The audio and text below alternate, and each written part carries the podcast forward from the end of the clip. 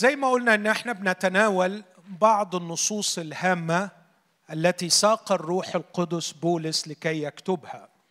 وواحدة من يعني نقدر نقول الجواهر التي سجلها الرسول بولس مسوقا من الروح القدس هي رسالة روميا.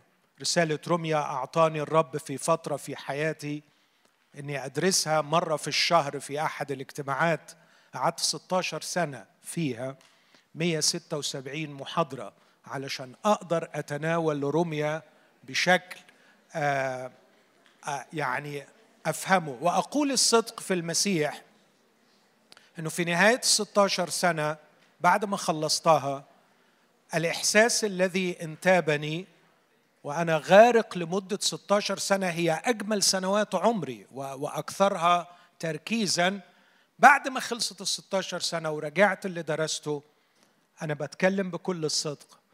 قلت يا دوب دلوقتي عندي المفاتيح اللي أقدر ربما من خلالها لو بدأت أدرس الرسالة دي هقدر أفهمها. فرسالة روميا فيها تكثيف غير عادي للحق المسيحي. وعلى المستوى الروحي يعتبرونها الحل المسيحي الحل الذي تطرحه المسيحية للمأزق البشري. فكل ديانة وكل فلسفة كانت تبدأ دائما من المأزق البشري وتعطي طرحها. كيف يمكن تشخيص المأزق وما هو الحل للخروج من هذا المأزق؟ رسالة روميا بتعمل كده. آه لكن من الجانب الثاني الشكل الذي كتبت به والصياغة التي تمت صياغتها بها جعلتها تدرس أحيانا في بعض المعاهد الأكاديمية كنموذج لصناعة الحجة من العالم القديم.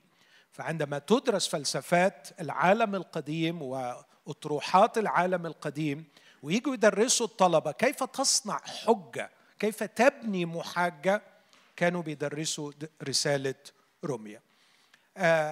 رسالة روميا ككل مقسمة إلى ثلاث أقسام كبار سهل تقسيمها.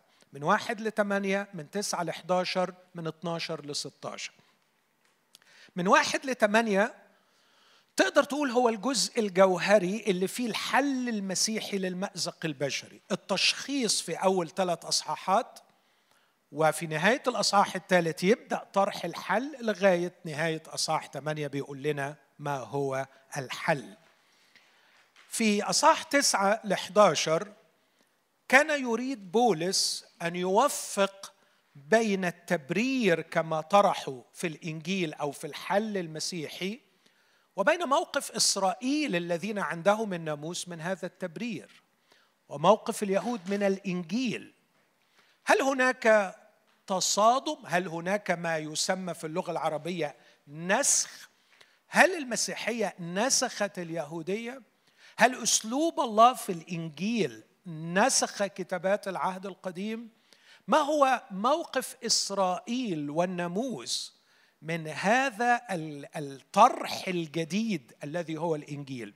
بولس بإبداع وبتكثيف وبصعوبة من 9 ل 11 جاوب عن السؤال ده وده كان كأنه فقرة اعتراضية أو كان كأنه تذييل لابد منه لأنه توقع الأسئلة سوف تأتي من غالبية يهودية. ما علاقة هذا الإنجيل الذي تكرز لنا به بكتب العهد القديم؟ ما علاقة الإنجيل بالناموس؟ ما علاقة الكنيسة بإسرائيل؟ اشرح لنا. فده تقدر تقول عنه تذييل كان لابد منه. ثم يبدأ في أصحاح 12 يواصل حديثه بمنهجه المعتاد في بقية الرسائل إنه يحط جزء تعليمي وبعدين ينهي بجزء عملي. كيف نطبق هذا التعليم في الواقع العملي؟ فنقدر نقول إنه في روميا واحد لثمانية كتب عن ماذا قدم الله للإنسان لكي يصير الإنسان إنسانا مسيحيا حقيقيا. ابتداء من أصحاح 12 ماذا ينبغي أن يقدم الإنسان إلى الله؟ فأطلب إليكم برأفة الله أن تقدموا أجسادكم ثم يبدأ في مجموعة ضخمة من الوصايا العملية آه، سواء خاصة بالكنيسة أو المسيحي والمجتمع. كيف يتعامل مع المشاكل الأخلاقية والعملية المختلفة لكي يعيش مسيحي حقيقي؟ فمن واحد لثمانيه تعليمي من 12 ل 16 عملي وفي النص هذا التزيين. من واحد لثمانية أعتقد أنه وصل إلى القمة في رومية ثمانية وأتذكر زمان والدي لما كان دايما يشجعني إني أقرأ الكتاب المقدس كان يشجعني إني أحفظ بعض الأصحاحات. فكان في ثلاث أصحاحات دايما يشجعني إني أحفظهم. يوحنا 17 رومية 8 وأفسس واحد. ويقول لي إذا ما حفظتش دول تبقى مقصر في حق نفسك. فرومية 8 هو واحد من الجواهر التي ينبغي على المسيحي أن يدرسها ويدرسها كلمة كلمة ويتأمل فيها باجتهاد. الأمر الأخير اللي أقوله كمقدمة لرومية 8 أقول انه الرسول بولس كان أكيد واضح آه، كيف كيف اختزل كل شيء عنده إلى شخص يسوع المسيح هو يحب المسيح ويرى المسيح هو الحل النهائي للمأزق البشري. لا تستطيع أن تقرأ بولس وتفهمه دون أن ترسم في خيالك دائما صورة بولس وهو منحني أمام هذا المجد الذي أشرق من العلاء في وجه يسوع المسيح. تخيل دايما بولس ساجد على رجليه قدام يسوع. وهو بيقول له ماذا تريد مني أن أفعل? الحياة بالنسبة لبولس هي يسوع المسيح. وهو قال كده لي الحياة هي المسيح. حياته كلها تدور حول المسيح. لي الحياة هي المسيح. لم أعزم أن أعرف شيئا بينكم إلا يسوع وإياه مصلوبا. عندما كان يخدم كان يرسم المسيح أمام العيون. وعندما كان يصلي كان يصلي أن يتصور المسيح في من يخدمهم. فكل شيء بالنسبة لبولس هو المسيح المسيح المسيح. لن تجد شخصا شغف بالمسيح مثل الرسول بولس فكان يفيض دائما بالمسيح. والحقيقة لن تجد شخصا تجسد المسيح في حياته وعمل ما كان يمكن أن يعمله المسيح لو كان موجودا على الأرض مثل الرسول بولس. ولهذا أعتقد إنه من المهم جدا أن تهتموا بما قدم في هذا المؤتمر عن شخصية الرسول بولس. فهو بيحل المأزق البشري. رأى أن عطية الله العظمى للبشرية هي المسيح. لكن استعمل تعبيرات. أقدر أقول كده باختصار. يعني ده محتاج تدقيق أكتر لكن للتسهيل في الدراسة. هتكتشف إنه أثبت في اصح واحد واثنين وثلاثة إنه الإنسان زاغ وفسد. زاغ وفسد. لخصها الجميع زاغوا وفسدوا معا. ليس من يعمل صلاحا ليس ولا واحد. زاغوا عن الطريق عن الهدف. ضلوا الطريق وفقدوا الهدف. فسدوا أمر داخلي لقد تشوهوا في الداخل. وبالتالي إذا أنت حابب تعالج الإنسان ده أنت محتاج تعمل فيه حاجتين. محتاج تعمل له ريستوريشن من الداخل تسترجعه من الداخل لتنقذه من الفساد الداخلي ومحتاج تقوده من الخارج إلى الهدف والغرض الذي قد فقدوا وهذا هو الخلاص. وده اللي بيقدمه. لكن يا ترى كيف يتم هذا الخلاص؟ استعمل أربع تعبيرات. استعمل بالمسيح واستعمل مع المسيح واستعمل للمسيح واستعمل في المسيح. ففي رومية خمسة تجد التركيز على بالمسيح. إذ قد تبررنا بالإيمان لنا سلام مع الله بربنا يسوع المسيح. الذي به صار لنا الدخول إلى هذه النعمة التي نحن فيها مقيمون. وبعدين يكمل مثلا يقول ونحن متبررون الآن بدمه نخلص بحياته فبالمسيح بالمسيح بالمسيح هناك بركات كثيرة حصلنا عليها بالمسيح. لكن انتقل في أصح ستة ويستعمل تعبير آخر مع المسيح. عالمين هذا أن إنساننا العتيق قد صلب معه. إن كنا قد صرنا متحدين معه بشبه موته. فهناك علاقة أخرى ليس فقط بالمسيح لكن ابتدى يدخلنا لفكرة الوحدة إن إحنا مش بيه لكن إحنا كمان مع المسيح. فإحنا متنا مع المسيح. إن كنا نؤمن أننا قد متنا معه نؤمن أننا أيضا نحيا معه ونسلك معه في جدة الحياة. فمع المسيح وهنا ابتدى ياخذنا لفكرة الوحدة. والتي نعبر عنها بالمعمودية. إن كنا قد صرنا متحدين معه بشبه موتي. إيه معنى المعمودية بالنسبة لنا؟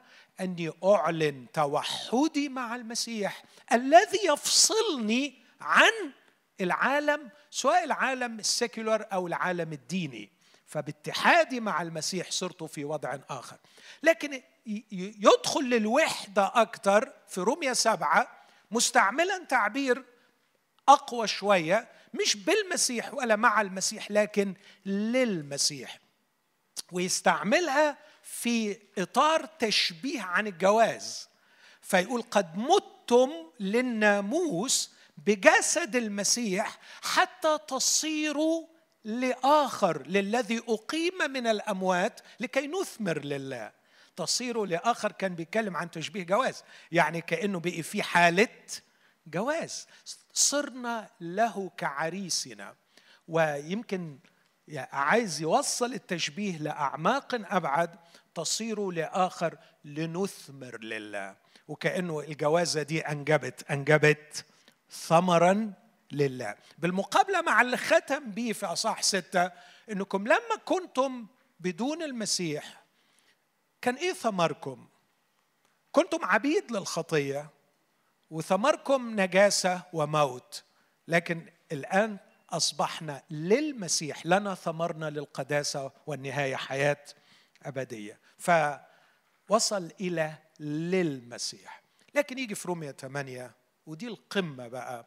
مش بي ولا مع ولا لي لكن لا شيء من الدينونة الآن على الذين هم في المسيح. دي دي القمة. دي النقلة الكبيرة قوي. أن نكون في المسيح الآباء الشرقيين الحقيقة آباء الكنيسة الأرثوذكسية من القديم كتبوا كثيرا على إن كريستوس في في المسيح في المسيح نقلة نوعية. ليس حل قضائي ولا نفسي ولا أخلاقي لكن انتقال للجنس. فأنا عشت طول عمري منحدر من جنس هو آدم. وللأسف منحدر من آدم بعد أن سقط.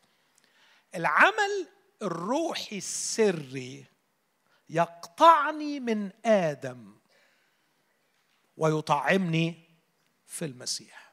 طبعا حتى التعبير ده ضعيف لكن يوصل الفكرة أن الله الآن أقولها بكل احترام لا يراني ادميا يراني مسيحيا.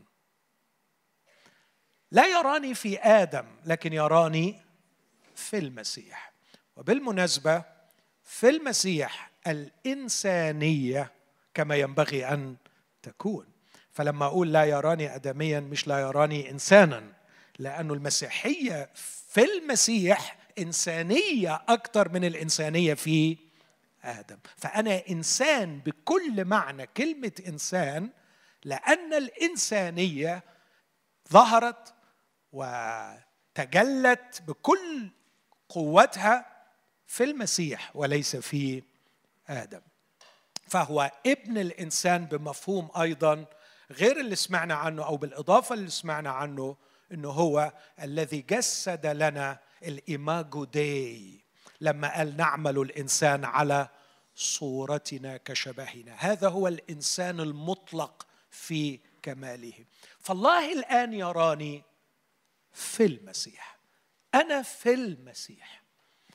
وأنا في المسيح لي جماله لي رائحته لي كماله درجة بولس استعمل تعبير حسام أشار إليه أرجوكم تفكروا فيه فيه سر أن يحل كل ملء اللاهوت وأنتم مملوءون فيه فاكرين العبارة دي؟ إيه اللي عايز يعمله بولس هنا؟ عايز يقول المسيح استحضر الله بكل ملئه فالله جميلا كاملا عظيما في شخص يسوع. درجة إنك تقدر يقدر يقول لك من رآني فقد رأى الله لم ينقص شيئا من الكمال عندما رؤي في يسوع. لكن الله يسوع استحضر لنا الله من السماء إلى الأرض. يسوع استحضرنا نحن من الأرض إلى السماء. ففيه نحن مملوءون بكل الكمال. يعني ممكن تقدر تقول لو خليت كلمة مملوء كامل أرى الله كاملا في المسيح كما ينبغي أن يكون الله. وأرى الإنسان كاملا في المسيح أمام الله كما ينبغي أن يكون الإنسان. الله أمام عين الإنسان كامل الإنسان أمام عين الله كامل. مين اللي عمل النقلة دي؟ المسيح. المسيح جعل الله كاملا في عين الإنسان المسيح جعل الإنسان كاملا في عين الله. فيه سر أن يحل كل الملء وأنتم مملوءون فيه. مستحيل نكون مملوءون فقط به أو معاه أو لي لكن مملوءون فيه فنحن في المسيح. فالله الآن قضائيا وأقدر أقول كمان اخلاقيا وإنجاز لي أقول عن إحساس الله إن إن كان لي أن أتكلم عن إحساس الله. يراني في المسيح. يعني إيه أقصد إيه بالإحساس؟ الله لما كان يبص على المسيح ما كانش عنده غير كلمة واحدة هذا هو ابن الحبيب الذي به سررت. الله مسرور بي لأني في المسيح. ريحتي حلوة في المسيح. شكلي جميل في المسيح. نوع الحياة إذا كنت تؤمن أن الروح القدس فيك وحياة المسيح فيك فالباقي كله تم إماتته ودفنه. الله مش شايفه.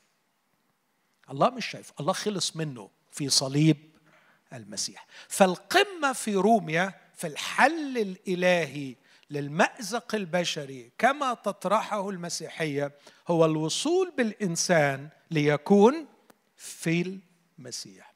بس خدوا بالكم اللي انتهى بيه في رومية 8 هو اللي بدأ بيه في أفسس واحد. فأفسس تبدأ من حيث انتهت روميا. أفسس بقى يوري لك أوه ده القصة أتريها من الأزل هو كان ناوي على مشروع كبير بنوعية كائنات اسمهم في المسيح اختارنا فيه قبل تأسيس العالم لكي نكون قديسين وبلا لوم قدامه. في المحبة السبق فعيننا للتبني بيسوع المسيح حسب غنى نعمته التي أنعم بها علينا في المحبوب. ويبدأ بقى في أفسس يستعمل في المسيح أكثر يمكن كمان من روميا 8 إذا نحن في روميا 8 في المسيح. لكن وإحنا في المسيح إحنا بنعيش في العالم الحاضر الشرير. وكلمة العالم الحاضر جات في روميا 8 إني أحسب أن آلام الزمان الحاضر لا تقاس بالمجد العتيد أن يستعلن فينا. وإحنا في العالم الحاضر في ثلاث قضايا كبرى. أنا محتاج أعرف أنا كشخص في المسيح أتعامل معاها إزاي. والثلاث قضايا دول الحقيقة مش قضايا فلسفية ولا قضايا دينية ولا قضايا نظرية دي قضايا عملية جدا. القضية الأولى هي الخطية. القضية الثانية هي الألم والوجع. القضية الثالثة هي قضية الغرض والمعنى من الحياة. أنا كشخص في المسيح لو مسكت أي حد فينا دلوقتي هتلاقي الثلاث قضايا دول حاضرين باستمرار كل يوم. كل يوم. أعمل إيه في رغباتي؟ أعمل إيه في شهواتي؟ أعمل إيه في خطيتي؟ أنا بصارع مع الخطية. الأمر الثاني اللي لا يمكن يومك يخلو منه أعمل إيه مع الوجع؟ أعمل إيه مع الألم؟ أعمل إيه مع الضيقات؟ الأمر الثالث هي آخرتها إيه؟ هو أنا هنا ليه؟ إيه غرض الحياة؟ إيه معنى الحياة؟ حقيقة الرسول بولس عنده ثلاث أخبار رائعة للغاية لكل من هو في المسيح. في المسيح لك حل رائع في تعاملك مع الخطية لك حل رائع في تعاملك مع الألم والوجع ولك حل رائع وأخبار سارة جدا. عندما تسأل هذا السؤال المهم ما المعنى ما الغرض من هذه الحياة؟ كيف سأعيش؟ القضية الأولى هي الخطية سلاش الرغبة أو الشهوة. القضية الثانية هي الألم والقضية الثالثة هي الغرض أو المعنى في الحياة. المسيحي أي شخص في المسيح في العالم الحاضر وهذه القضايا الكبرى متقسم الأصحاح لثلاث أجزاء. من عدد واحد ل 16 في رومية 8 مشغول قوي هو المسيحي النهارده هيتعامل إزاي مع الخطية مع الرغبة ودي قضية أخلاقية. من عدد 17 ل 28 كيف أتعامل مع الألم؟ ودي قضية نفسية وتقدر تقول كمان جسدية لأنه الجسم كمان بيتوجع. لكن أخيرا المسيحي في العالم الحاضر وموقفه من مقاصد الله من نحو أو غرض الوجود معنى الحياة من عدد 29 لعدد 39 ودي قضية وجودية. يبقى الأصحاح متقسم لثلاث أجزاء كل جزء بيتعامل مع واحدة من هذه القضايا الكبيرة. لكن أنا ممكن أتناول كمان رومية 8 تحت هذا العنوان خصوصا للشباب في عصرنا عن الحرية. فأقول أن الحرية الحقيقية ليست هي القدرة على أن تفعل ما تريد لكن هي القدرة على أن تفعل ما يجب أن تفعله وأن تكون الشخص الذي ينبغي أن تكونه. فكر في معنى الحرية بهذا الشكل. وعلى فكرة التعريف ده آه، ممكن الشباب يعترض عليه لكن أعتقد إن أي فكر يعني شوية قاري في الفلسفة آه، هيحترم التعريف ده مش هيتضايق منه لأنه في في أشكال كثيره بهذا المعنى يمكن مش بنفس الصياغة لكن مفكرين كثير صاغوا المعنى الحقيقي للحرية بهذا المعنى. إنك في النهاية تكون لديك القدرة مش إنك تعمل اللي نفسك فيه لكن لديك القدرة أن تفعل ما يجب أن تفعله وأنت تعلم ما يجب أن تفعله. لكن كمان الأهم لديك القدرة أن تكون الشخص الذي يجب أن تكون. وده يستلزم أن نعرف هو أنا مين علشان أكون من ينبغي أن أكون. ويستلزم أنه آه، خطة تقودني من خلال يعني آه، آه، زوارق الحياة ومصاعبها علشان أكون الشخص الذي أكون. رومية 8 بيقول كده. رومية 8 بيقول لك إن في في المسيحية لو أنت في المسيح في إمكانية أن تفعل ما يجب أن تفعله وأن تكون من يجب أن تكون. دي دي دي خلاصة الحل المسيح عشان كده أشوف ان رومية 8 يقدم فعلا مش بس نظريا ما هي الحرية الحقيقية؟ ممكن أي فيلسوف يقول الكلام ده لكن بيديني القوة على إني أكون حرا فعلا حرية حقيقية. رومية 8 بيقول الحرية الحقيقية مش نظرية لكن واقع ممكن تعيشه. وأنا أعتقد إن بولس وهو بيكتب الكلام ده كان في حالة من الاستمتاع التام وهو يقابل بين الإعلان المسيحي وبين ما قرأه في فلسفة الرواقيين أو الأبيقوريين اللي سمعنا عنهم. أو وهو يقابل هذا بوضعه الشخصي كيهودي تقي تحت الناموس. أوضح الجملة الأخيرة دي. لو تذكر بولس ما درسه عن الفلسفة الأبيقورية الحرية في نظرهم أن تفعل ما يمتعك. استمتع. وهو في روميا واحد كتب لنا عن الديتيريوريشن عن التدهور المرعب اللي حصل في الجنس البشري لأنهم مشوا وراء شهواته أسلمهم الله. أسلمهم الله. ثلاث مرات في شهوات قلوبهم. تعرف لإيه؟ لإهانة أجسادهم بين ذواتهم. عندما استسلموا وكان في ذهنه الأبيقوريين اللي استسلموا للرغبة دمروا الإنسان. وخلوا الإنسان زي الحيوان.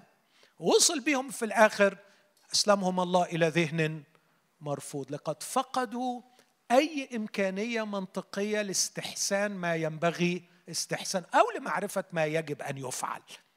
الكلمة أسلمهم الله إلى ذهن مرفوض كلمة مرفوض ذهن غير قادر على الاستحسان لمعرفة ما يجب أن يفعل. فعشان كده بقوا بلا حنو بلا عهد بلا رضا بلا فهم. ثالبين متعظمين متكبرين. غير طائعين للوالدين. سمى بقى لقد حدث تدهور في إنسانية الإنسان بحيث أنه فقد أكثر شيء يميزه ككائن أخلاقي أنه يعرف ما يجب أن يفعل. وده اللي بنشوفه النهارده. إحنا النهارده بنصارع مع الشباب أحيانا آه، لأنهم معترضين على ما يجب أن يفعل لأنه ليه ده يجب أن يفعل؟ فقدوا القدرة على الاستحسان. بولس شايف الإنقاذ الإلهي بالمقابلة مع الفلسفة الابيقوريه لكن كمان وهو بيكتب عن الألم في الجزء الثاني اللي ذكرته من عدد 17 لعدد 28 أعتقد أنه كان بيتذكر الفلسفة الرواقية والفلسفة الرواقية كانت تبنى على الخوف من الألم والتخلص من هذا الخوف من الألم زي ما سمعنا من حسام باحتضان الألم أو بالتعامل القدري مع الألم ودي دي فلسفة بائسة بائسة. تقود الإنسان لحالة من التشاؤم. نفاجأ أن بولس بيقدم طرح مسيحي للتعامل مع الألم في منتهى الرقي والروعة والمجد اللي يخلي الواحد في الآخر يعني فعلا قادر يشكر ربنا على الألم وشايف أنه هو أقوى من الألم بشكل بديع. ومش بعيد كان بيقابل هذا بالفلسفة الرواقية ويشوف قد إيه نعمة الله رفعته. لكن لو ساب الأمم وراح يقابل الكلام ده بوضعه كيهودي وهو كان متقدما على أطرابه في جنسه وكان حقيقي غيور ومتقدم ويقابل خد مثلا مسألة الحرية من الشهوة. اقرأ رومية سبعة. وهو يسجل الصراع المرعب كيهودي تقي تحت الناموس. كتب قال إيه؟ حد فاكر؟ قال ويحي أنا الإنسان الشقي. كل ما أريد أن أفعل الحسنى أجد الشر حاضر عندي. مش لأني بلا ناموس. أو مش لأني رافض الناموس. بالعكس بالعكس. أنا أحب الناموس وأحترم الناموس وعايز أطيع الناموس. لكن كلما أريد أن أفعل الحسنى أجد الشر حاضر. عندي. لست أفعل الصالح الذي أريده بل الشر الذي لست أريد إياه أفعل. وبعدين راح كاتب حاجة غريبة جدا. قال إن الناموس لما جه زود المشكلة ما حلهاش. لأنه قبلما جاء الناموس اسمع كانت الشهوة أو الخطية ميتة. لكن لما جاء الناموس أو الوصية عاشت الخطية. اكتشفت إن أنا فيا طبع ردي. الحاجة جوايا نايمة لكن لما يقول لي ما تعملهاش ألاقي روحي عايز أعملها. ففوق فوجدت الوصية التي هي للحياة هي نفسها لي للموت. الوصية جاية تقول لي ما تعملش عشان تحيا. فوجئت إنها لما بتقول لي ما تعملش اللي ما كنتش بفكر أعمله أعمله لكي أموت. فيقول فهل صار لي الصالح موتا؟ حاشا.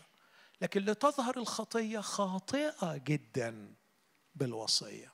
طب نعمل إيه في المصيبة دي؟ الويحي أنا الإنسان الشقي من ينقذني؟ مين يخرجني؟ Who can deliver me out مين يطلعني من البلوى دي؟ وراح مجاوب وقال أشكر الله بيسوع المسيح ربنا. هطلع بيسوع. يسوع أوجد حل. لكن من الجانب الثاني كيهودي تقي عاشوا على رجاء أن المسيح سيخلصهم من الألم لكن كانوا دايما في رجاء مماطل يمرض القلب عاشوا طول عمرهم متألمين. فكان لديه أيضا كيهودي مشكلة كبيرة مع الألم وخصوصا أنه الناموس كان بيقول أنت لو ربنا راضي عنك ما تتألمش وهم طول عمرهم عايشين فألم. فبالإضافة للألام الجسدية والنفسية كان عندهم وجع روحي وألم روحي بسبب أنهم عارفين أنه أكيد ربنا غضبان عليهم.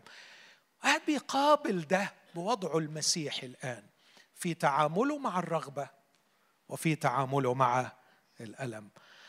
لكن القمة بقى ويا ترى هل أنا مخلوق عبثا؟ هل أنا قشه في مهب الريح؟ هل أنا رقم أضيف لملايين الأشخاص في هذه الحياة؟ هل معمول حسابي في هذه الحياة؟ وهل هناك من رسم لي خطة لكي أكون ما يجب أن أكونه؟ وإذا كانت هناك خطة وهناك غرض فكيف وأنا العاجز المحدود أنا أنا أكتشف الغرض؟ ومن أين القوة التي أسعى بها نحو الغرض؟ وكيف أحقق هذا الغرض؟ وفوجئنا أحبائي إن بولس بيقول المسيح يجلس الآن على العرش بكل قوته وإمكانياته وليس له إلا عمل واحد يشفع فينا هنا مش بمعنى يتوسل إلينا أبدا لكن الكلمة يشفع فينا في رومية 8 الترجمة الدقيقة ليها مقاول متعهد. مقاول متعهد. المقاول اللي بيستلم من المهندس الخطة ال design الرسم وياخد منه ال resources الإمكانيات ويروح يعمل إيه؟ ينفذ المشروع. كأنه بيقول الله أحبنا وقصد لنا شيئا عظيما لنحققه في هذه الحياة.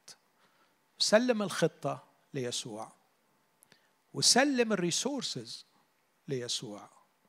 ويسوع الآن يتعهدنا لكي يتمم فينا قصد الله بمصادر الله. ولن توجد قوة لا في السماء ولا في الأرض تفصلنا عن محبة الله التي في المسيح يسوع. وهو بيفكر في دي كأنه بيتساءل وما هي إمكانيات المسيح التي تجعله قادر أن يفعل فينا هذا؟ قال المسيح. المسيح الذي مات بل بالحري قام الذي هو أيضا عن يمين الله الذي يشفع فينا. كأنه عايز يقول من فرط حبه لي مات. ومن عظمة قدرته قام. ومن روعة مجده جلس عن يمين الله. وهو بهذا الحب وبهذه القدرة وبهذه العظمة ما وراهوش شغلانة إلا إنه يتمم قصد الله فيا. فمن سيفصلنا عن محبة المسيح؟ وابتدى بقى يعدد ما فيش حاجة هتقدر تفصلنا عن محبة الله التي في المسيح. من نحونا؟ يعني هطلع من الدنيا متمم القصد متممه غصبا عن عين إبليس وعن رجالة إبليس وعن الظروف وعن وعن مش عشان أنا جدع ولا أنا جامد لكن لأن المسيح يجلس على العرش. ولأن الجالس على العرش هو شفيعي. ولأن شفيعي أحبني حتى الموت. وقام وقهر الموت. وجلس في قمة المجد. فهو قادر على أن يتمم مقاصد محبة الله فيا. هذا باختصار الطرح الذي يطرحه بولس لمن صار في المسيح. ده كده ان ناتشل يعني بسرعة لكن خليني أحاول أوريكم إزاي الكلام ده موجود في النص اللي إحنا بنقراه دايما واللي قدامنا في روميا 8 بدأ من عدد واحد ل 16 بقضية الخطية. وبدأها بالكلمة اذا لا شيء من الدينونة الآن. وهيجاوب على الموضوع بالطريقة دي. من عدد واحد لأربعة هو بيقول لا توجد دينونة على المسيح الآن لأن المسيحي دان خلص مشكلته مع الخطية. طبعا الكلام ده غريب شوية. يعني أنا يتهيألي ناس بتسمع الكلام ده تقول يا على الكبرياء. يا جماعة طب هنعمل إيه؟ هو ده الكتاب المقدس. خلاص مشكلتك مع الخطية خلصت. طبعا مش معناه إنه ما عليناش جهاد. هنشوف إيه معنى الجهاد. بس لازم تكون فاهم ماذا يقدم الإنجيل. اذا لا شيء من الدينونة الآن. الآن. مش هناك. خلاص خلصت.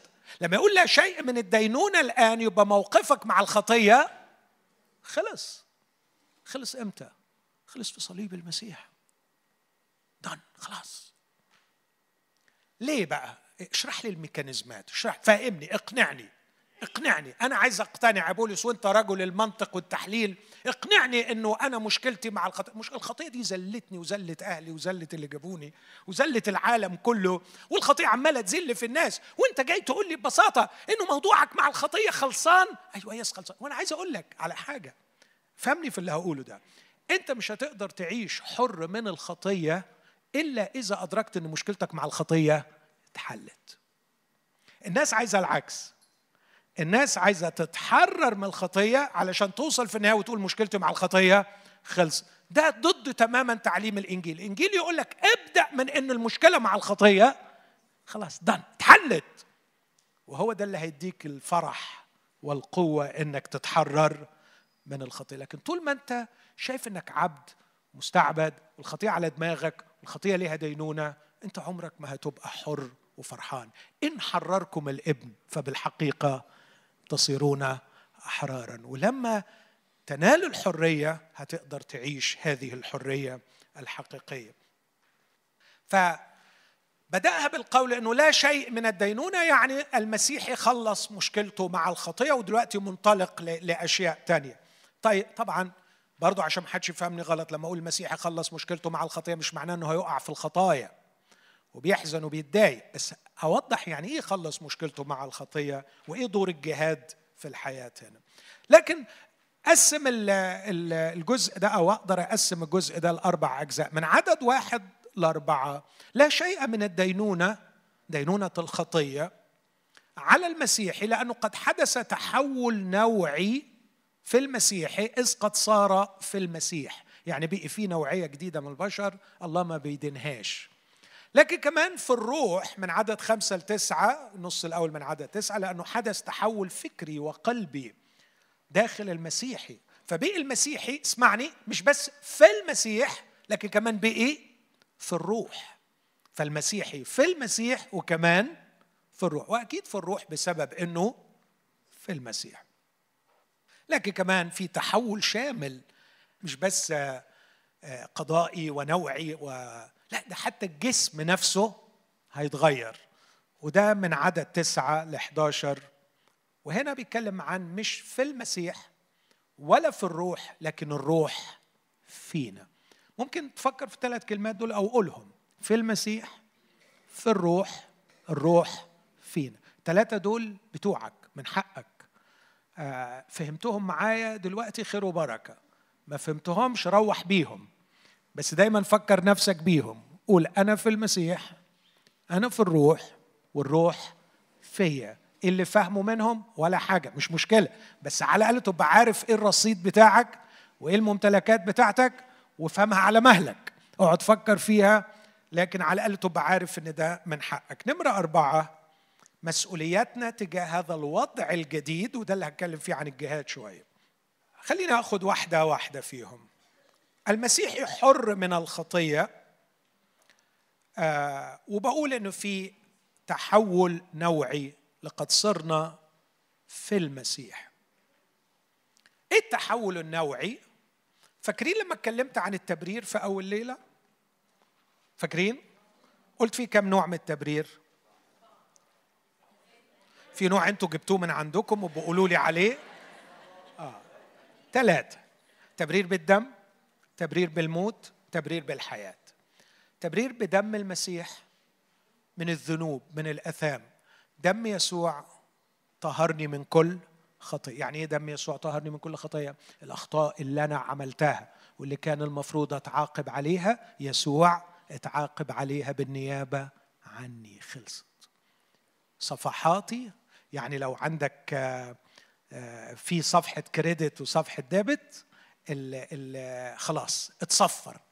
اتصفر الحساب بتاعك اتصفر. فما عليكش أجرة للخطايا اللي أنت عملتها لأن حبيبي يسوع حملها عني. هو حمل خطايانا في جسده على الخشب. ده كلام الرسول بطرس كمان.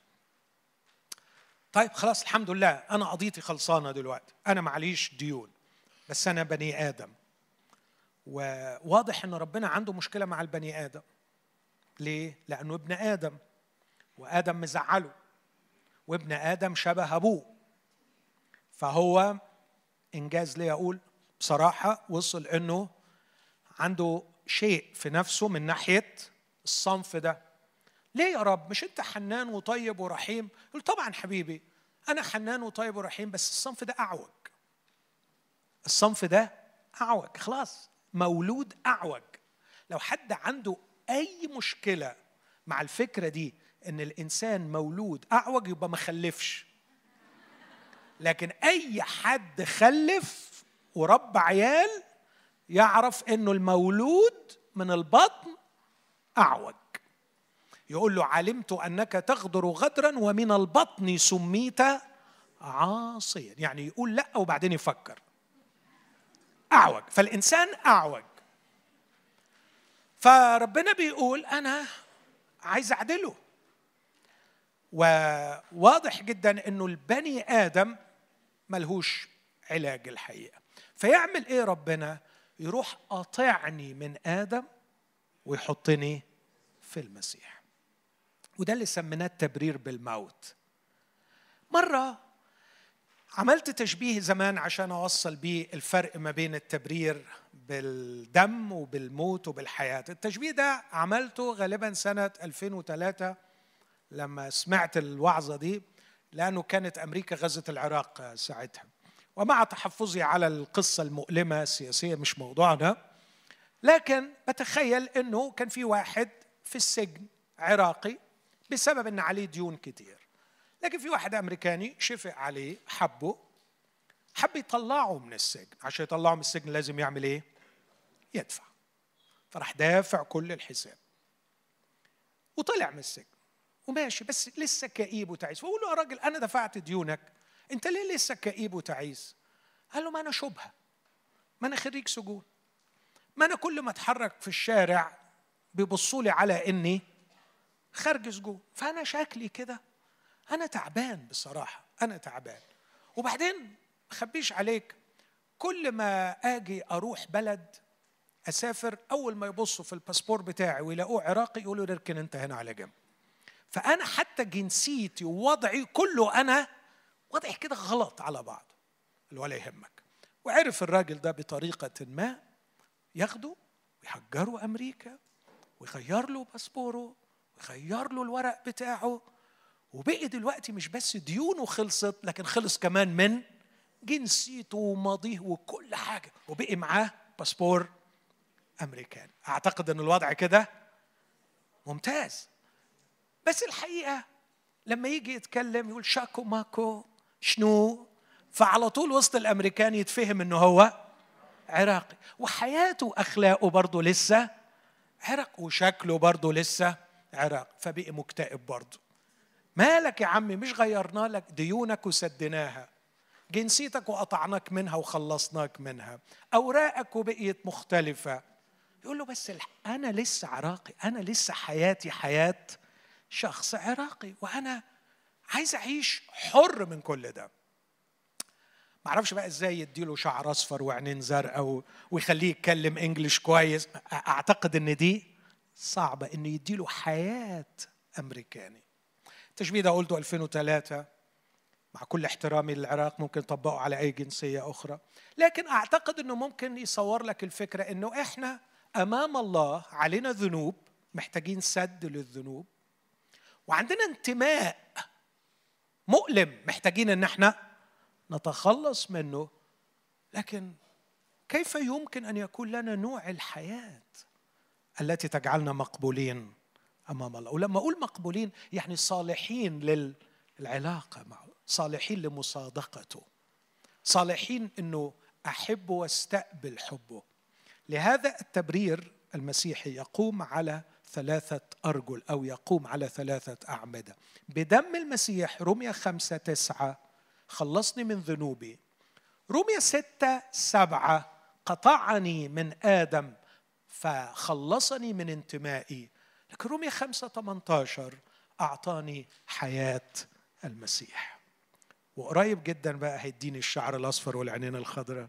لا مش شعر أصفر وعينين خضراء هيديني يغير شكل جسد تواضعنا ليكون على صورة جسد مجدي. يعني هيخليني شبه فيزيكالي شبه المسيح. فأبقى من جوه مسيحي ومن بره كمان مسيح. هذه عملية التبرير. إذا أنا فهمت هذا وآمنت به وابتديت أعيشه على إنه واقع مستحيل الدينونة تخطر على بالك. هتقول لا شيء من الدينونة الآن على الذين هم في المسيح هيدين على إيه؟ ذنوبه خلصت انتمائه خلصت منه حياة محترمة وموجودة. فلما يشوفني يحضني. لما يشوفني يشم ريحتي يلاقيها حلوة. لما يشوفني يتبسط بيا لأني في المسيح.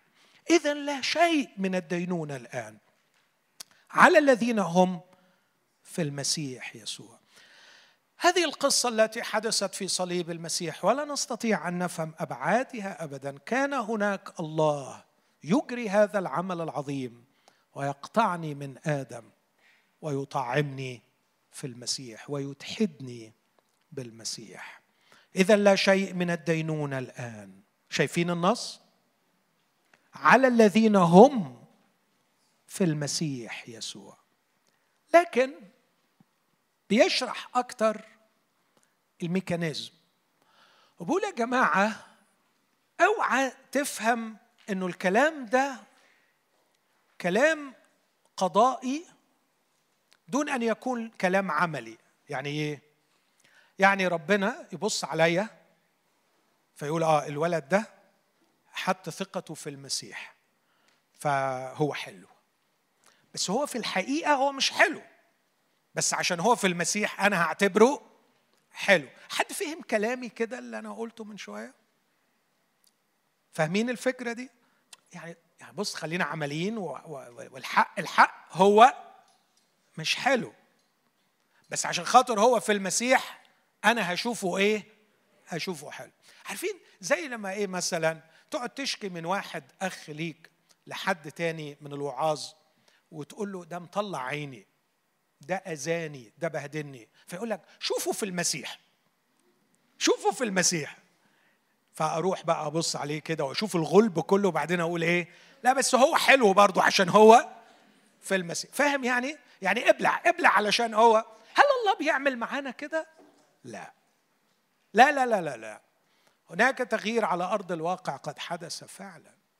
وده اللي بولس بيقوله في العدد اللي جاي. لأن ناموس روح الحياة في المسيح يسوع قد أعتقني من ناموس الخطية والموت. يعني إيه الآية دي؟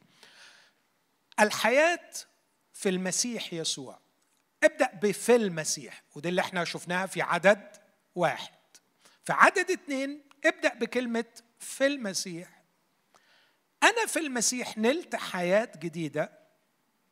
الحياة الجديدة التي لي في المسيح مصدرها الروح القدس الذي سكن فيا والروح القدس الذي سكن فيا له ناموس له قوة عمل نافذة. فيبقى ناموس روح الحياة في المسيح يسوع. الناموس له قوة. الناموس له قوة. مش القوة في الناموس نفسه لكن في القوة في الروح الذي يظهر قوته في شكل ناموس. معلش صعبة دي. كلنا بنعرف قانون الجاذبية. حافظين المعادلة بتاعت قانون الجاذبية. الكتلة في مربع سرعة الضوء مش عارف تساوي في قانون للجاذبية. هل القانون ده كمعادلة له قوة في ذاته؟ لا لكن لأن في حاجة اسمها الجاذبية لكنها تظهر فاعليتها دائما بشكل ثابت بنسميه قانون الجاذبية. ماشي الكلام؟ مش ماشي. سيبك منها.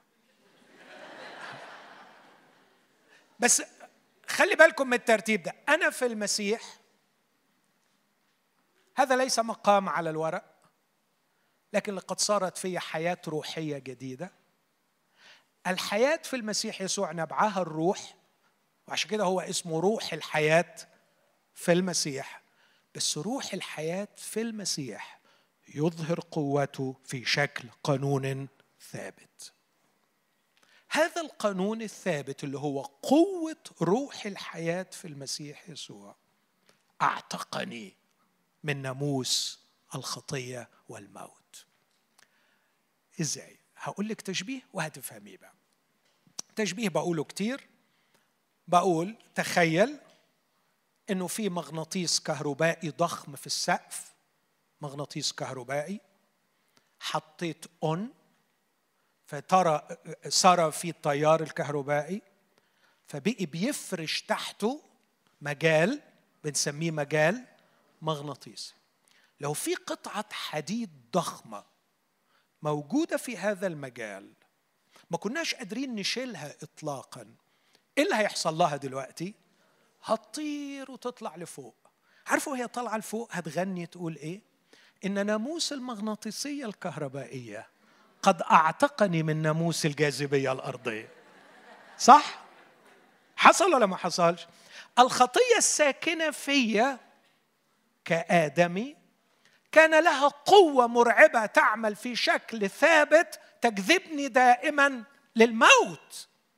هنفهم يعني إيه موت. موت يعني يعني قلة الأدب. موت يعني كل شيء بشع. موت يعني تاخد. الحياة هي أن تفيض. الموت كل ما تمارسه بالاستقلال عن الله. يوم تأكل منها موتا تموت. كان ناموس الخطية اسمه ناموس الخطية والموت. ما بيجيبش غير موت. انت ما بتطلعش غير موت. تعيش موت. تعيش علشان تطلع موت. وهنشوف ان الكلمتين دول موجودين. تعيش تموت وتعيش تحيا. دي حاجة تانية. فأنت عايش علشان تموت. لكن ناموس الخطية والموت اللي حصل ان أنا اتحررت منه لاني نلت نوع حياة بالروح القدس اللي ليه ناموس بيشتغل في صورة قوية ثابتة بتحررني من ناموس الخطية والموت. فأنا لا شيء من الدينونة مش عشان ربنا طيب. ولا معلش هو في المسيح هنغمض عينينا؟ لا لأنه حصل تحرير واقعي. ناموس روح الحياة في المسيح يسوع. أعتقني من ناموس الخطية والموت. طبعا هنا في حتة عملية ما أقدرش أسيبها. قطعة الحديد التقيلة علشان تطير لفوق وتغني الأغنية دي في شرط واحد بس. لازم تكون في مجال عمل المغناطيس. طول ما أنت حاطط روحك في مجال عمل الروح القدس أنت طاير لفوق وتقدر تغني وتقول ناموس روح الحياة في المسيح يسوع. أعتقني من ناموس الخطية والموت. ابعد عن مجال عمل الروح القدس. أنت لسه في المسيح وفيك حياة المسيح وفيك روح الحياة في المسيح يسوع وروح الحياة ما غيرش قانونه بس أنت بعيد عن مجال عمله. يبقى المطلوب منك كجهاد روحي إنك تعمل إيه؟ جهاد روحي أن تزع الخطيه مني. لا عبيط. مش هيحصل. مش هيحصل. خالص. كان غيرك أشطر. آه، أعمل إيه علشان أتخلص من الخطية؟ أحارب الخطية. نو يا حبيبي مش هتقدر. خلاص دي مش شغلتك. ما تقدرش عليها. انقع نفسك في مجال عمل الروح القدس. هنا يأتي السؤال وما هو مجال عمل الروح القدس؟ جلسة زي دي هي مجال عمل الروح القدس. لما أسمع كلمة الله وافهمها لما أقعد مع أخواتي المؤمنين زي ما كان أندرو بيعلمنا ونحاول إن إحنا نتشارك ونشارك حياتنا بعضنا ببعض. لما أعترف بأخطائي للرب وأتحرر من اثقال لما أعترف بأخطائي لإخواتي لما أعرف نفسي وحقيقتها وأقول له يا رب خلصني من وجعي وخطئي وفشلي لما أقرأ كلمة الله وأقعد معاها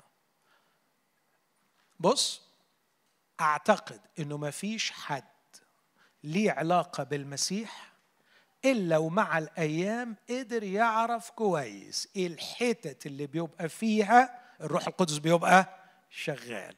وإيه الحتت اللي بيروحها؟ والروح القدس بيفصل. فأه مش بتحس كده؟ مش بتحس إنك فاصل؟ على فكرة لو مش بتحس بالفصل ده فأنت البعيد ما عندكش إحساس. لو انت مسيحي حقيقي لو انت مسيحي حقيقي هتقدر على طول تلقط إنه أول ما دخلنا في القصة دي أنت عملت إيه؟ آه فصل. فاصل. والشطارة إنك بسرعة تلحق روحك وترجع تاني لمجال عمل الروح القدس. آه ما أحلى الروح القدس. ما أروع الله الروح القدس. كم أحب قوته؟ ما أجمله ما أجمله ما أجمله. يقول إن كنتم بالروح تميتون أعمال الجسد فستحيون. اسلكوا بالروح. فاكرين الآية دي غلطي خمسة؟ اسلكوا بالروح فلا تكملوا شهوة الجسد. يعني لا تكملوها؟ يعني الشهوة موجودة بس القوة بتاعتها راحت لأن في ناموس تاني أقوى منها. الحل لم يأتي منا لكنه أتى من روح الله القدوس الساكن فينا وهو يريدنا دائما أن نكون في مجال عمله. ناموس روح الحياة في المسيح يسوع. أعتقني من ناموس الخطية والموت. لأنه ما كان الناموس ناموس موسى بقى عاجزا عن اللي خلانا نشوف بولس بيصرخ في روميا سبعة. ما كان عاجزا عنه فيما كان ضعيفا بالجسد. فالله إذ أرسل ابنه في شبه جسد الخطية ولأجل الخطية دان الخطية في الجسد. القصة اللي حدثت في صليب المسيح. عدد أربعة. لكي يتم حكم الناموس فينا. إيه حكم الناموس؟ ناموس قال لا تشتهي. كده هقدر ما اشتهيش.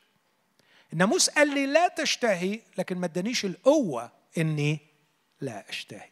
ما كان الناموس عاجزا عنه فيما كان ضعيفا بالجسد. فالله إذ أرسل ابنه في شبه جسد الخطية ولأجل الخطية دان الخطية في الجسد لكي يتم حكم الناموس مطلب الناموس العادل. هو الناموس لما بيقول لا تشتهي عنده حق ولا ما عندوش؟ خدوا بالكم فرانسيس شيفر الكاتب المسيحي العظيم قال ما فيش وصية بتكسرها قبل ما تكون كسرت وصية لا تشتهي. معناها آخر واحدة في الوصايا العشر. بس فكر في التسعة اللي قبليها كل الوصايا بتكسرها قبليها بتكون كسرت لا تشتهي. وعشان كده بولس انتقاها في روميا سبعة. كيف يتم مطلب الناموس العادل؟ حدث لكي يتم حكم الناموس فينا. بعدين يقول نحن السالكين ليس حسب الجسد بل حسب الروح. ده يدخلنا في الجزء الثاني. إيه بقى حسب الجسد؟ اشرح لنا يا بولس اشرح لنا الحقيقة يقول الكلمات الآتية فإن الذين هم لأنه توقع إن إحنا يعني إيه حسب الجسد؟ يعني إيه حسب الروح؟ قال بص حسب الجسد وحسب الروح الدماغ اللي أنت عايش بيها. في دماغ حسب الجسد وفي دماغ حسب الروح. جبت منين أنا كلمة دماغ؟ اهتمام. كلمة اهتمام دي يعني عقل. الكلمة اليونانية طريقة تفكير خلينا أقول ال operating system بتاعك التركيبة العقلية اللي بتمشيك يا إما التركيبة العقلية دي تكون حسب الجسد يا إما تكون حسب الروح. إحنا كلنا اتولدنا وتربينا وكنا في مجتمعاتنا وعائلاتنا بتتعمل لنا تركيبة عقلية حسب الجسد. طيب أنت لما جيت للمسيح فجأة كده حطيت راسك تحت الحنفية راح توقع التركيبه دي وتحط لك تركيبة جديدة في المعمودية يعني يا ريت. لكن يقول تغيروا عن شكلكم بتجديد. اشتغل على دماغك الله يطول عمرك. دماغك بايظة. مش كلها أكيد. بس في شوية مبادئ متركبين من الناحية دي. مثلا القيمة هي في العيلة القيمة هي في المال القيمة هي في الجمال الرابح هو من يأخذ. كل دي مبادئ. اتغلغلت فينا وكونت عقلنا ال operating system بتاعنا. محتاجين بقى تعليم ومؤتمرات ودعك دماغ بعضنا في بعض علشان نتغير عن شكلنا بتجديد. أذهاننا. وده مسؤولية تانية عملية علينا لأنه بيقول الذين هم حسب الجسد فبما للجسد يهتمون يعني بما للجسد يفكرون. بيفكروا بطريقة جسدية. ولكن الذين حسب الروح فبما للروح. لأن اهتمام الجسد يعني منهج تفكير الجسد هو موت. يقودك إلى الموت. هتعيش عيشة موت. مرات كده أتأمل حياة شخص ويكون حتى حاجة كبيرة وبينجز في الدنيا واسم كبير. بس فعلا لما أقعد أسمع تاريخه بحكم شغلي ساعات يحكي يحكي يحكي أقول يا خلاصة كل الحياة دي موت. موت. ولما أسمع حياة يسوع أقول خلاصة الحياة دي حياة. حياة. شجرة حياة. هو يسوع شجرة الحياة. اهتمام الجسد المنهج اللي بتفكر بيه يجيب موت. لكن اهتمام الروح حياة وسلام. لأن اهتمام الجسد هو عداوة لله. إذ ليس هو خاضعا لناموس الله لأنه أيضا لا يستطيع. فالذين هم في الجسد لا يستطيعون أن يرضوا الله. اسمع العبارة دي. وأما أنتم فلستم في الجسد بل في الروح. يبقى كنا من شوية في المسيح ودلوقتي طلعنا في الروح. وفي المسيح نقدر نختبر قوة الحياة الجديدة بناموسها الفاعل وفي الروح نقدر نجدد أذهاننا ونتغير إلى تلك الصورة عينها كما من الرب الروح. لكن مش بس إحنا في المسيح وإحنا في الروح ده الروح كمان فينا. فيقول العبارة دي وأما أنتم فلستم في الجسد بل في الروح. إن هنا ترجمها ما دام ما دام روح الله ساكنا فيكم. ولكن إن كان أحد ليس له روح المسيح فذلك ليس له.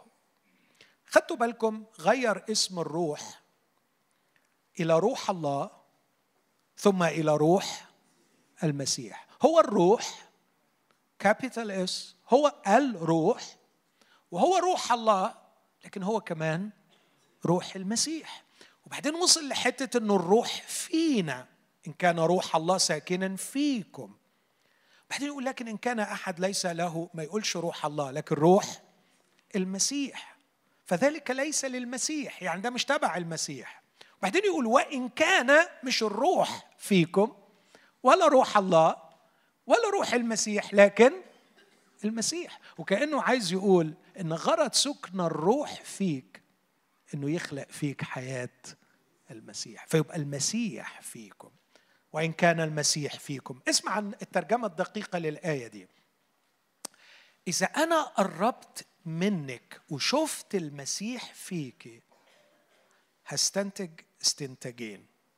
أقول ياس المسيح طالع فيها لأن فيها اتنين سكان. فيها الروح ساكن وفيها الخطية ساكنة. الخطية مش انتزعت لا. الخطية ساكنة في البادي بتاعنا لسه موجودة.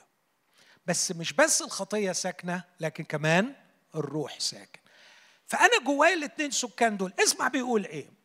إن كان المسيح فيكم فالجسد وهنا جاب كلمة في اليوناني سوما يعني البادي ميت بسبب الخطية. يعني البادي بتاعنا عمال يموت بسبب الخطية بس الروح بتاعتنا عمالة تحيا بسبب البر اللي إحنا تبررنا بيه.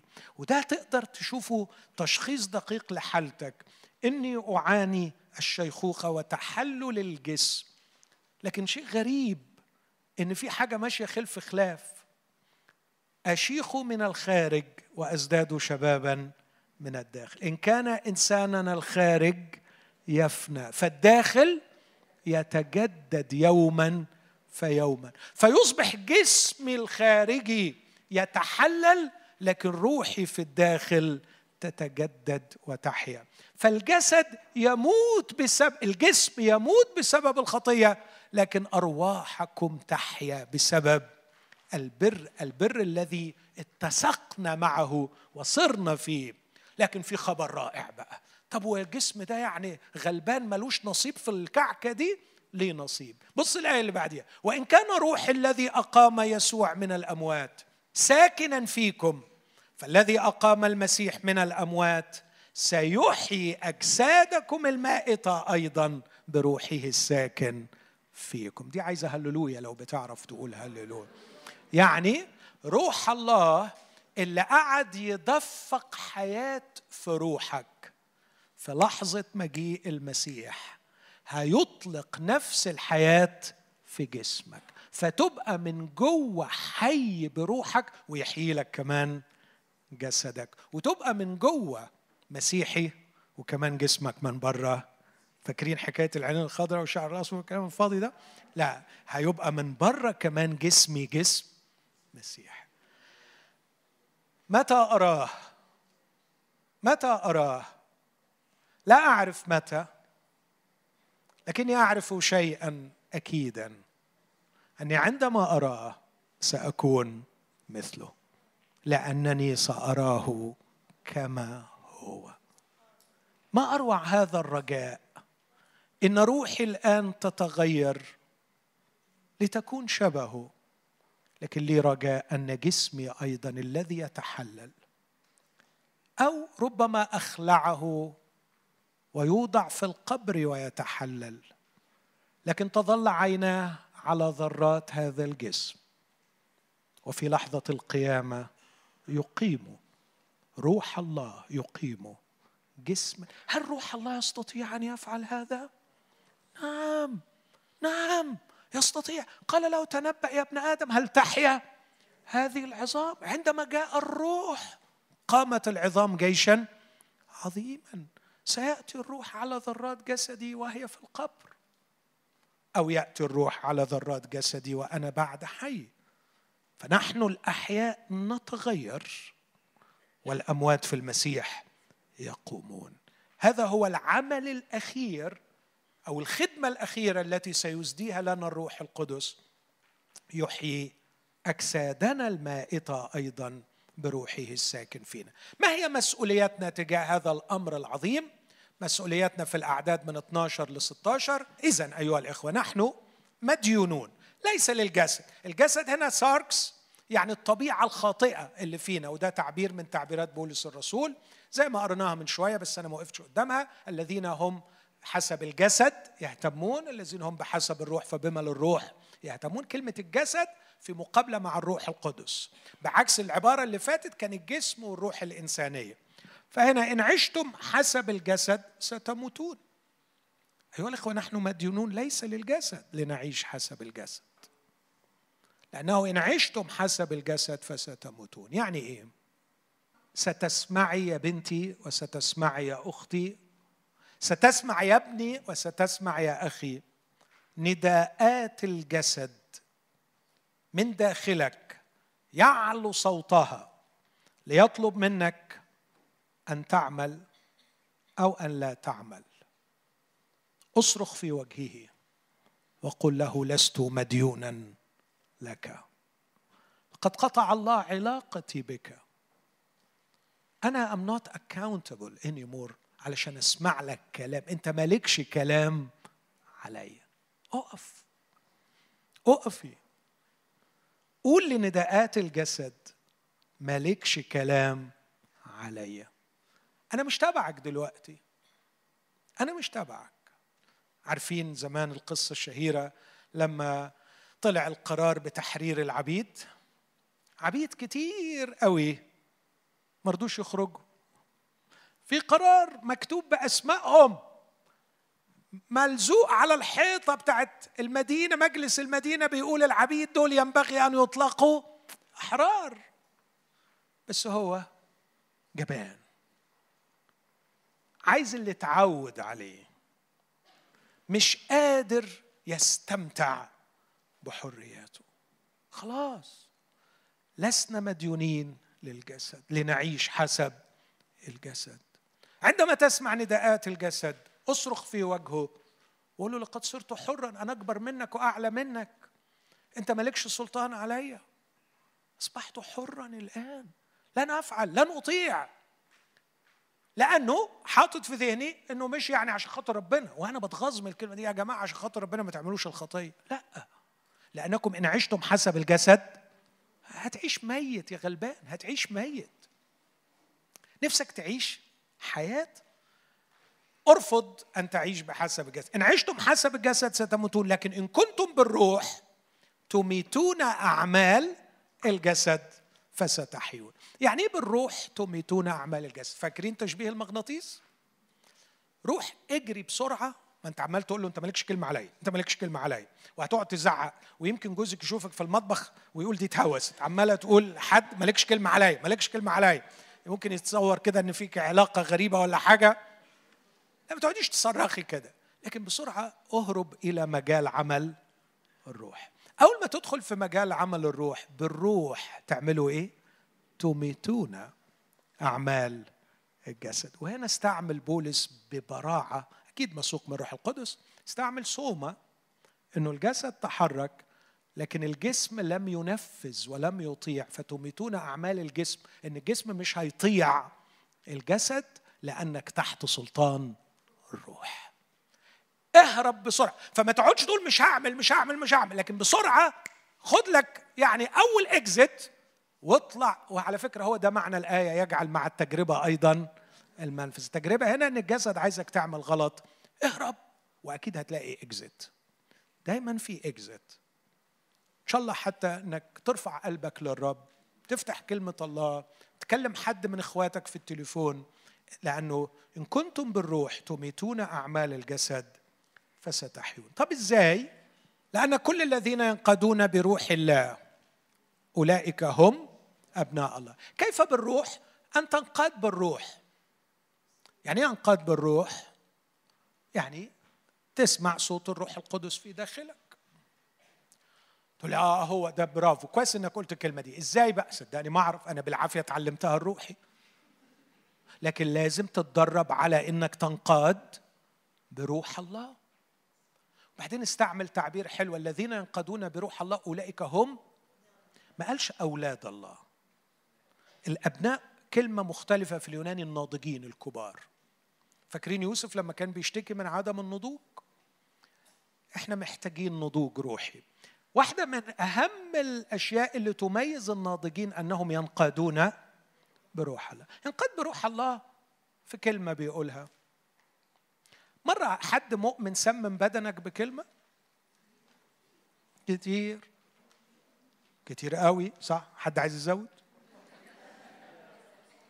مرة خادم من على المنبر سمم بدنك بكلمة؟ كتير. كتير قوي. ليه؟ لأنه لم يكن منقادا. بروح الله. إيه ده؟ يعني هو حتى الخادم لو مش منقاد بروح الله يسم البدن؟ آه لأنه إنسان. إنسان فممكن برضه يسم البدن فالأمان والحماية إني أتأدب. فيعني إيه أتأدب؟ يعني أتدرب أنقاد بروح الله. آه أنا أنا الحقيقة بيهمني موضوع الانقياد بالروح في ثلاث حاجات الهجرة والجواز و... وايه الثالثه والشغل برافو عليك.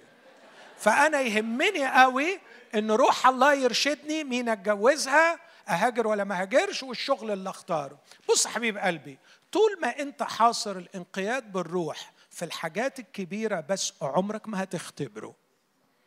إذا لم نتدرب على الإنقياد بالروح بصفة عامة سيستحيل علينا الإنقياد بالروح في الأمور الكبيرة. طب برضه ساعدني إزاي أنقاد بالروح؟ أنا أقول لك أنتوا ما خدتوش روح العبودية للخوف. بل أخذتم روح التبني الذي به نصرخ يا ابا الآب. من فضلكم بلاش نقراها يا ابا الآب. يا ابا الآب يعني يا أبو الآب. طبعا ملهاش دعوة لكن يا ابا دي كلمة أرامية. وهقول لكم ليه قالها بولس بالأرامية. يعني إزاي ننقاد بروح الله؟ رده غريب جدا. تنقاد بروح الله؟ قال لأنكم ما خدتوش روح العبودية للخوف. فاكر اليهودي زمان عشان يقرب لله كان يعمل إيه؟ كان يعمل 100 شغلانة يا حبيبي. بلاش بلاش اليهودي الكاهن. ده لازم يغسل إيديه في المرحلة ورجليه ولازم يقرب بطريقة معينة. كان عنده خوف عنده خوف إنه يقترب إلى الله. لكن أنتم لم تأخذوا روح العبودية للخوف من الله.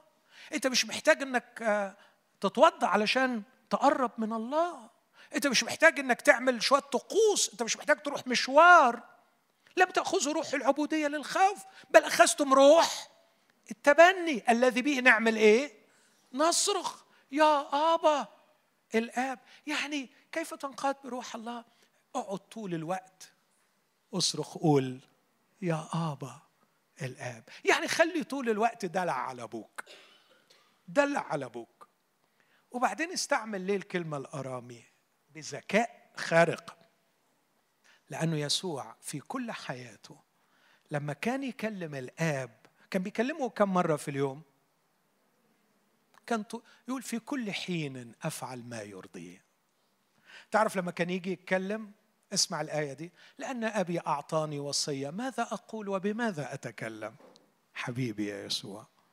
تخيل لما يجي يتكلم في شركة مع الآب فالآب يقول له يقول إيه ويقوله إزاي. فيسوع كان طول الوقت بيكلم الآب يقول له إيه؟ بالأرامي آبا آبا آبا الآب. بعدين يقول يسوع طلع وانتوا مكانه هنا. تقدر تكلم الآب بالظبط زي ما كان يسوع بيكلمه. وقولها بالأرامي قولها. قول له يا آبا عشان تفتكر إن دي كلمة مين؟ يسوع. يسوع كان على الأرض بيقول له يابا يابا يا آبا يا آبا تعرف اليهود في القرن الأول كانوا يقولوا لا يمكن المسيح ده يكون نبي من عند الله لأنه بيتكلم عن الله بلغة بيتوتية. بيقول يا آبا الآب. يعني واخد على الله قوي.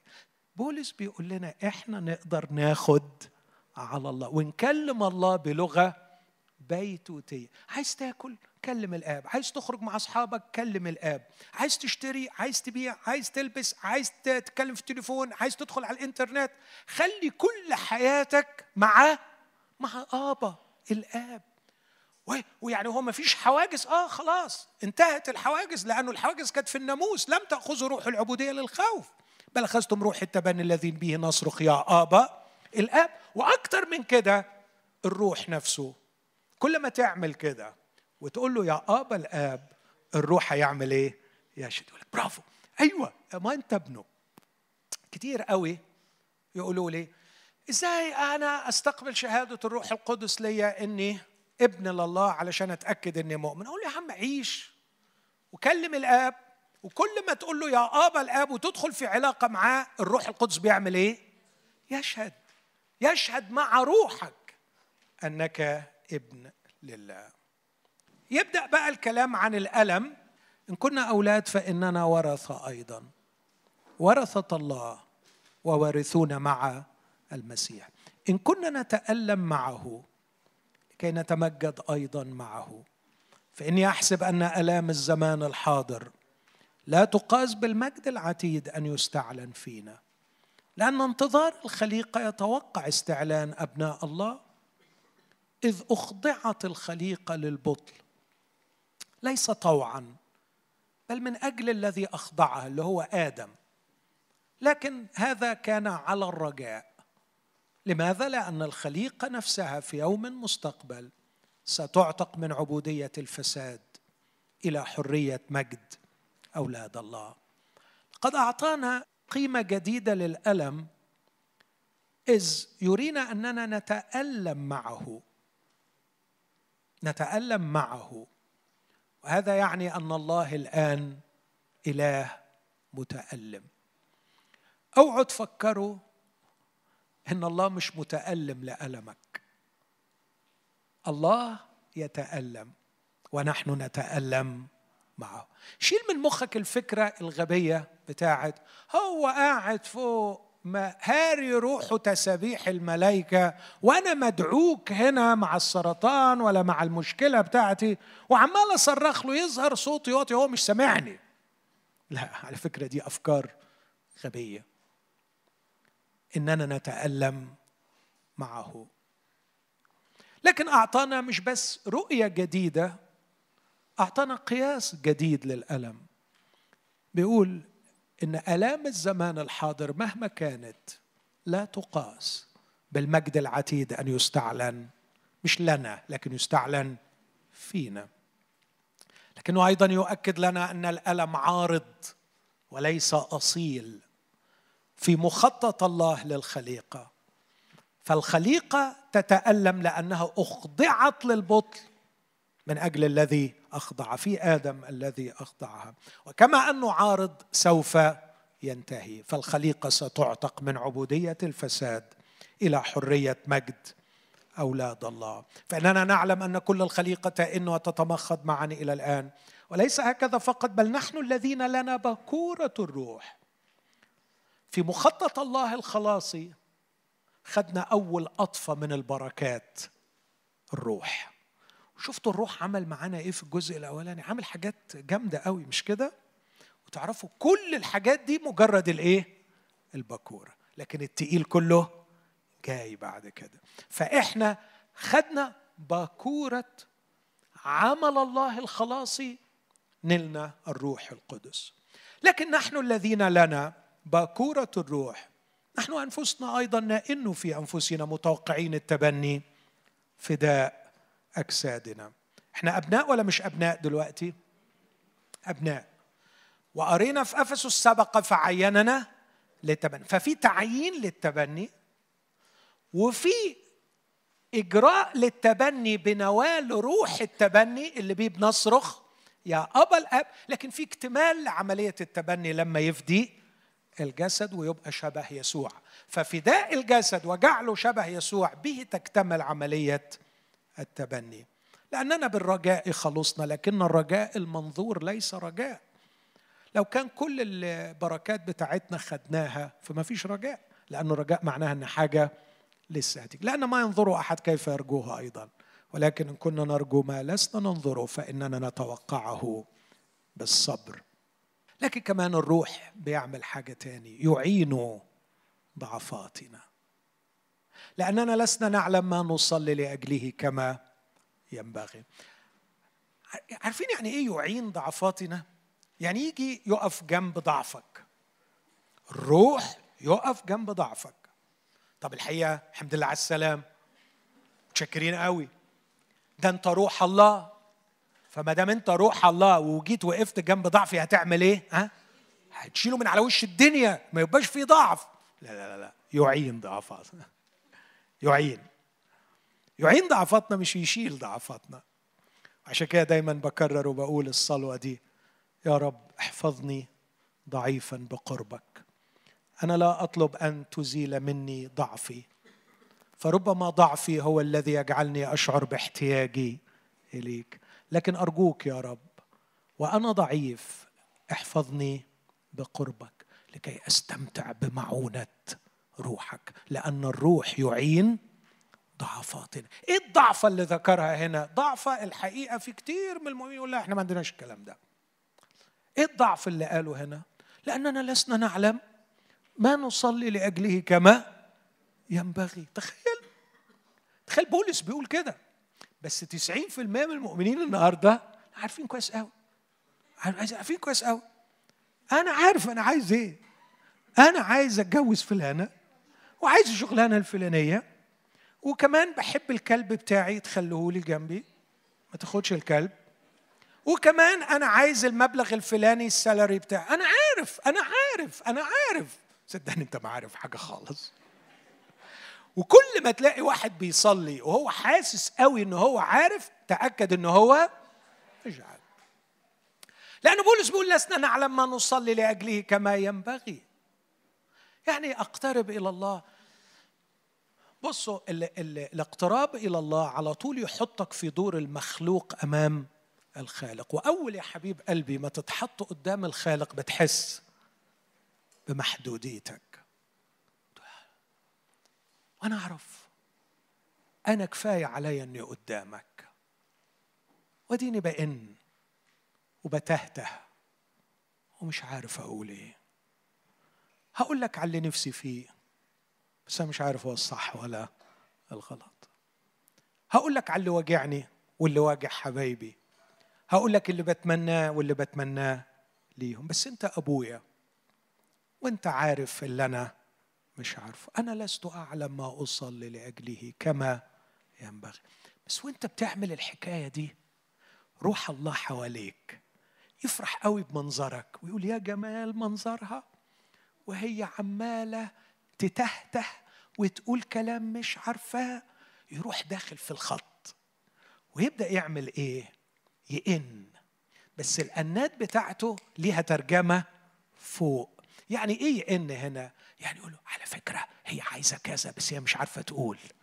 بس أنا فاهم اللي فيها. لأن الروح يفحص كل شيء فهو عارف. اسمع الآية اللي بعديها. لأنه بحسب مشيئة الله يشفع في مين؟ في القديسين. فأنت عمال تتهته مع ربنا في الصلاة وروح الله يروح داخل على الخط يقول لا هي ما تقصدش كده. هي ما تقصدش إنها عايز تتجوز. هي مش فاهمة بس. هي هي عايزة حاجة تاني خالص. هي عايزة ملء عايزة ملء عايزة ملء بس هي ربوها غلط. فهمت إن الملء في الجواز. سيبك منها سيبك منها. أنا بقول لك اللي هي عايزاه بالظبط. والله الآب يسمع للروح القدس ولا للعبط بتاعي؟ ها؟ أنتوا أنتوا اختاروا. يسمع للروح القدس اللي بيشفع فيا بأنات ولا يسمع للعبط بتاعي؟ لا أكيد هيسمع. طبعا هيطبطب على العبط بتاعي يقول يا حبيبي أنت عبيط مفيش مشكلة خالص. هم على فكرة كل ولادي عبايط وكلهم بيعبطوا. وكلهم بيقولوا أي كلام وكلهم بيقول حتى بولس في مرة جه حبيبي موجوع بيقول شيل الشوكة شيل الشوكة شيل الشوكة. وأنا أقول معلش يا حبيبي أنا عارف أنا عارف أنا عارف إنها وجعاك بس في حاجة أحسن هيطلبها لك الروح القدس. نعمة نعمة. وبعدين لما لقيه مش فاهم يسوع راح قالها له قال له خلاص تكفيك نعمات في نعمة في نعمة أعظم. هذا ما يحدث في هذه اللحظات المقدسة ونحن أمام الله. روح الله يشفع فينا بأنات لا ينطق بها. بس اسمع الجاية دي 28 قمة الروعة. هذا لا يعني أن الله سيتوقف عند حدود الاستماع إلى أنات الروح القدس. لكن الله يفرض سلطانه في المشهد ويجعل كل الأشياء التي تؤلمك رغما عنها تعمل معا لخيرك. هذه هي استجابة الآب لأنات الروح القدس. كانه يقول لك بص أنت طلبت حاجات كتير عبيطة وأنا ما سمعتهاش بس الروح طلب لك حاجات صح وأنا بطمنك هسيطر على كل الأشياء وخليها تعمل معا لخير خيرك مسؤولية أبوك. مش رغباتك مسؤولية أبوك. أبوك مش هيسمع رغباتك لكن أبوك هيحقق خيرك. اختار يا جدع. اختار. تختار إشباع رغباتك ولا تختار أن يحقق ما هو لخيرك. ما عنديش أي يقين أن الله سيشبع رغباتي. ما عنديش خالص. أحيانا بتصدف ويديني اللي نفسي فيه. لكن عندي مليون يقين أنه يجعل كل الأشياء تعمل معا لخيري. وما هو خيري؟ إن أبي إبراهيم ظن يوما أن خيره في أن تقول ساره عنه أنها اخته وداود الرجل الذي بحسب قلبه ظن يوما أن خيره أن يهرب إلى أرض الفلسطينيين. وابراهيم وداود جابوا روحهم الكافية. عندما ارتأوا في أعين أنفسهم أن يحددوا لأنفسهم ما هو لخيرهم. لا لن أخطئ هذا الخطأ. لكني أعلم أنك تعلم ما هو لخيري وأعلم أنك تعمل في كل الأشياء لتجعلها تعمل ما هو لخيري. هذه هي ثقتي في أبويا. لو ما عندكش ثقة في أبوك في قدرته وفي صلاحه انهي العلاقة معاه. أنا ما انصحكش ابدا تستمر في علاقة مع حد أنت مش واثق فيه حتى لو كان الله. انصحكش. ما انصحكش. لو أنت في علاقة مع واحدة وأنت في علاقة مع واحد وأنت مش واثق فيه انهيها فورا. لأن العلاقات لا يمكن أن تنجح إلا إذا بنيت على الثقة. إزاي عايز تنجح في علاقتك مع الله وأنت مش واثق فيه. إذا ما كانش لديه رصيد عندك يجعلك تثق فيه انهي علاقتك بيه؟ أو أسألك سؤال وأنت من الأصل بدأت علاقتك بيه على أساس إيه؟ على أي أساس بدأت علاقة مع شخص أنت مش واثق فيه؟ وإذا كنت بدأت العلاقة على الثقة فيه ينبغي أن تثق أنه يعلم أن يعمل ما هو لخيرك.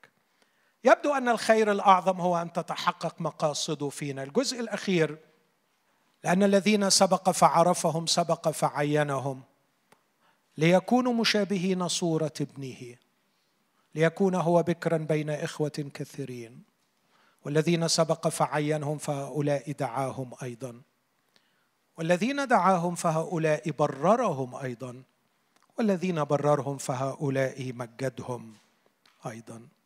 مقاصد الله. خمس مقاصد لا تكسر. وخمس حقائق لا تدحر. وخمس تحديات لا تقهر. حد فاكر حاجة من اللي قلته؟ هتشوفوا واحدة واحدة علي اسمعوا خمس مقاصد لا تكسر. عرفهم عينهم دعاهم بررهم مجدهم. وأنا عايز أقول إنه أطلق عملية التمجيد من الآن بتحويل الكاركتر بتاعتك إلى شبه المسيح فنتغير من مجد إلى مجد. فحتى التمجيد بدأ من الآن. دي خمس مقاصد لا تكسر. لكن في كمان خمس حقائق من جهة الله لا تدحر تقابلها خمس تحديات من جهة المسيحي لا تقهر. إزاي؟ بص النص ده. فماذا نقول لهذا؟ إن كان الله معنا فمن علينا. الذي لم يشفق على ابنه بل بذله لأجلنا أجمعين. كيف لا يهبنا أيضا معه كل شيء؟ من سيشتكي على مختاري الله؟ الله هو الذي يبرر فمن هو الذي يدين؟ المسيح هو الذي مات بل بالحرية قام أيضا الذي هو أيضا عن يمين الله الذي أيضا يشفع فينا. من سيفصلنا عن محبة المسيح؟ أشدة أم ضيق أم اضطهاد أم جوع أم عري أم خطر أم سيف؟ كما هو مكتوب إننا من أجلك نمات كل نار قد حسبنا مثل غنم للذبح. يعني معناها إن إحنا هنضيع يعني؟ لا في هذه جميعها يعظم انتصارنا بالذي أحبنا. أنا حاولت أحطهم في جدول آه، يعني أتمنى إنه يوضح لنا الفكرة كالآتي. ادي الخمس حقائق التي لا تدحر والتحديات التي لا تقهر. الحقيقة أن الله معنا. حد عنده شك في دي؟ بس أرجوكم هنا الله معنا. مش بمعنى عمانوئيل بس إنه معانا ولا معنى ربنا معاك. لا الله في صفنا. أين ظهر الله إنه في صفنا؟ في صليب المسيح. يا طلع في صفي قوي. الله معنا. إذا كان الله معنا إيه التحدي اللي أنا أغني بيه وأقوله؟ فمن علينا. إيه الحقيقة الثانية التي لا تدحر الذي لم يشفق على ابنه. بل بذله لأجلنا أجمعين. عند الصليب he delivered his son. سلم فيه من أجلي. الذي لم يشفق على ابنه بل بذله لأجلنا أجمعين. إيه الأغنية اللي غنيها؟ إيه الهتاف اللي هتفه؟ أقول فكيف لا يهبنا أيضا معه كل شيء. الحقيقة الثالثة الله اختارنا وعيننا مشابهين صورة ابنه هو ذوقه كده. هنعمل إيه طيب؟ هو استحلانا. هو اختارنا لنكون مشابهين صورة ابنه واخترنا وعيننا وحبيبنا على كده. مين قليل أدب يشكك في ذوقه؟ مين يقدر يقول له أنت اخترت غلط؟ فالأغنية اللي غنيها أقول من سيشتكي على؟ أقول له يا جاهل إذا كان الله اختارني. إذا كان هو اختارني. من سيشتكي على مختاري الله؟ الحقيقة الرابعة الله هو الذي يبرر. ده الإيمان المسيحي. مش أنا اللي ببرر نفسي. تحدي فمن هو الذي يدين؟ تحدي أو الحقيقة الخمسة. المسيح اللي من فرط حبه مات عشاني واللي من فرط قدرته قهر الموت وقام واللي من فرط عظمته جلس عن يمين الله. وعمال يشفع فيا. دي حقيقة. أؤمن بيها. ده مش وهم ولا رجاء. ده واقع الآن. قصادها أقول من سيفصلنا عن محبة المسيح؟ خمس حقائق لا تدحر تخلق في خمس ترنيمات لا تقهر. إذا كان الله معي من علي؟ إذا كان الله بذل المسيح لاجل كيف لا يهبني كل شيء؟ إذا كان الله اختارني من يشتكي علي وأنا مختار من الله. إذا كان الله هو الذي بررني فمن يستطيع أن يستذنبني؟ إذا كان المسيح يشفع في على العرش فمن سيفصلني عن محبة المسيح؟ ثم ينهي بلغة بقى. خدتوا بالكم لما قال شده ضيق اضطهاد جوع عري خطر سيف؟ سبع حاجات مش ممكن مش ممكن تفصلني عن محبة المسيح. راح بقى يعني النغمة عليت منه قوي وراح طالع لأعلى نوت وراح قايل فإني متيقن أنه لا موت ولا حياة. دول عشرة بقى. دول مش سبعة دول عشر وخدوا بالكم بدأهم بأقوى حاجة في الآخر. آخر حاجة كانت موت سيف. بدأ بالموت. لا موت ولا حياة ولا ملائكة ولا رؤساء ولا قوات ولا أمور حاضرة ولا مستقبلة ولا علو ولا عمق ولا خليقة أخرى. تقدر أن تفصلنا مش عن محبة المسيح عن محبة الله التي في المسيح. الله في محبته قصد لي حياة مهدفة تحقق غرض وتصنع معنى وأقام المسيح على العرش عشان يتمم ده فيا فأنا متيقن إنه ولا قوة من العشرة دول هتقدر تعطل قصد الله إنه يتم فيا لأن الله بيحبني والمسيح بيحبني. الله بيحبني قصد لي المسيح بيحبني هيتمم لي. ما هي مؤهلات الله الذي أعطى؟ محبة. ما هي مؤهلات المسيح الذي سيتمم ما أعدته محبة الله لي مات وقام وجلس عن يمين الله. فالله اللي أحب أعطى المسيح اللي أخذ هذه المؤهلات وانتصر سوف يتمم مقاصد محبة الله لي. فعشان كده أنا واثق إني أعظم من منتصر. أمين؟